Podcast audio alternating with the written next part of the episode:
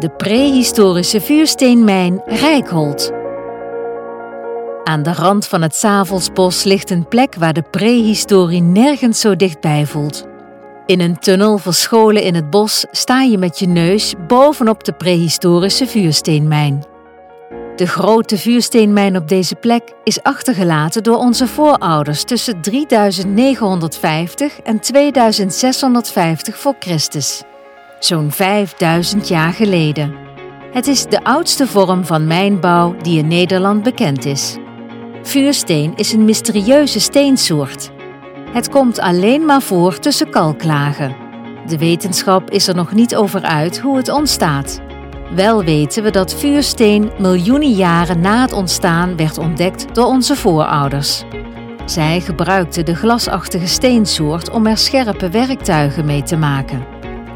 Die zijn hier in het Savelsbos veelvuldig gevonden.